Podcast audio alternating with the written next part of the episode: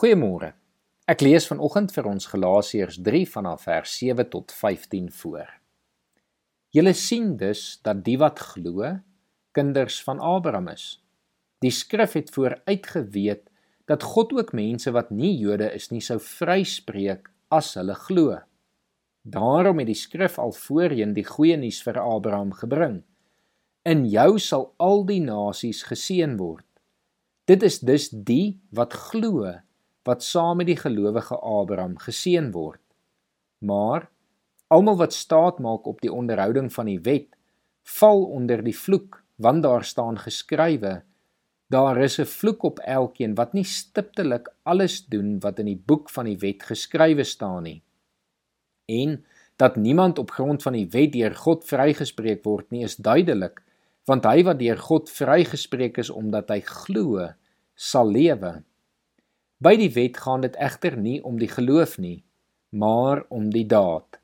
Want daar staan hy wat doen wat die wet sê, sal daardeur lewe. Christus het ons losgekoop van die vloek wat die wet meebring deur in ons plek 'n vervloekte te word.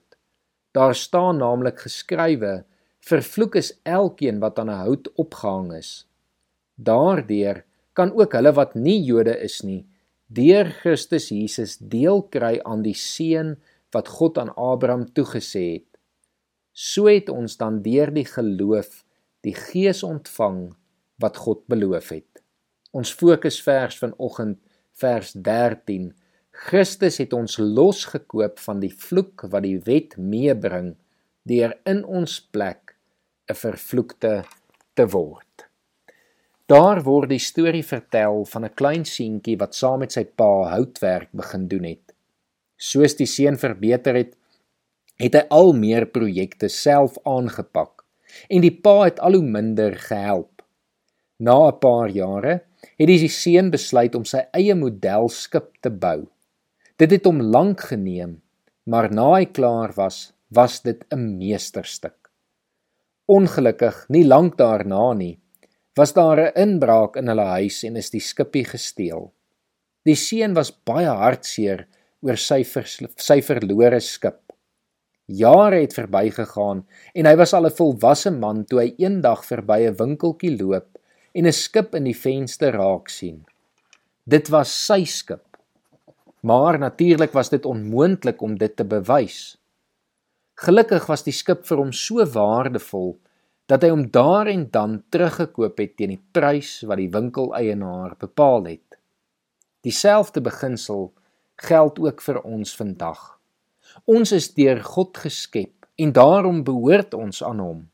Ons is sy eiendom. Maar ongelukkig het ons deur die sonde ook verlore geraak. Ons is egter nog steeds God se eiendom en God sou alles doen om ons ook terug te gekoop het om ons terug te kry weer in sy huis.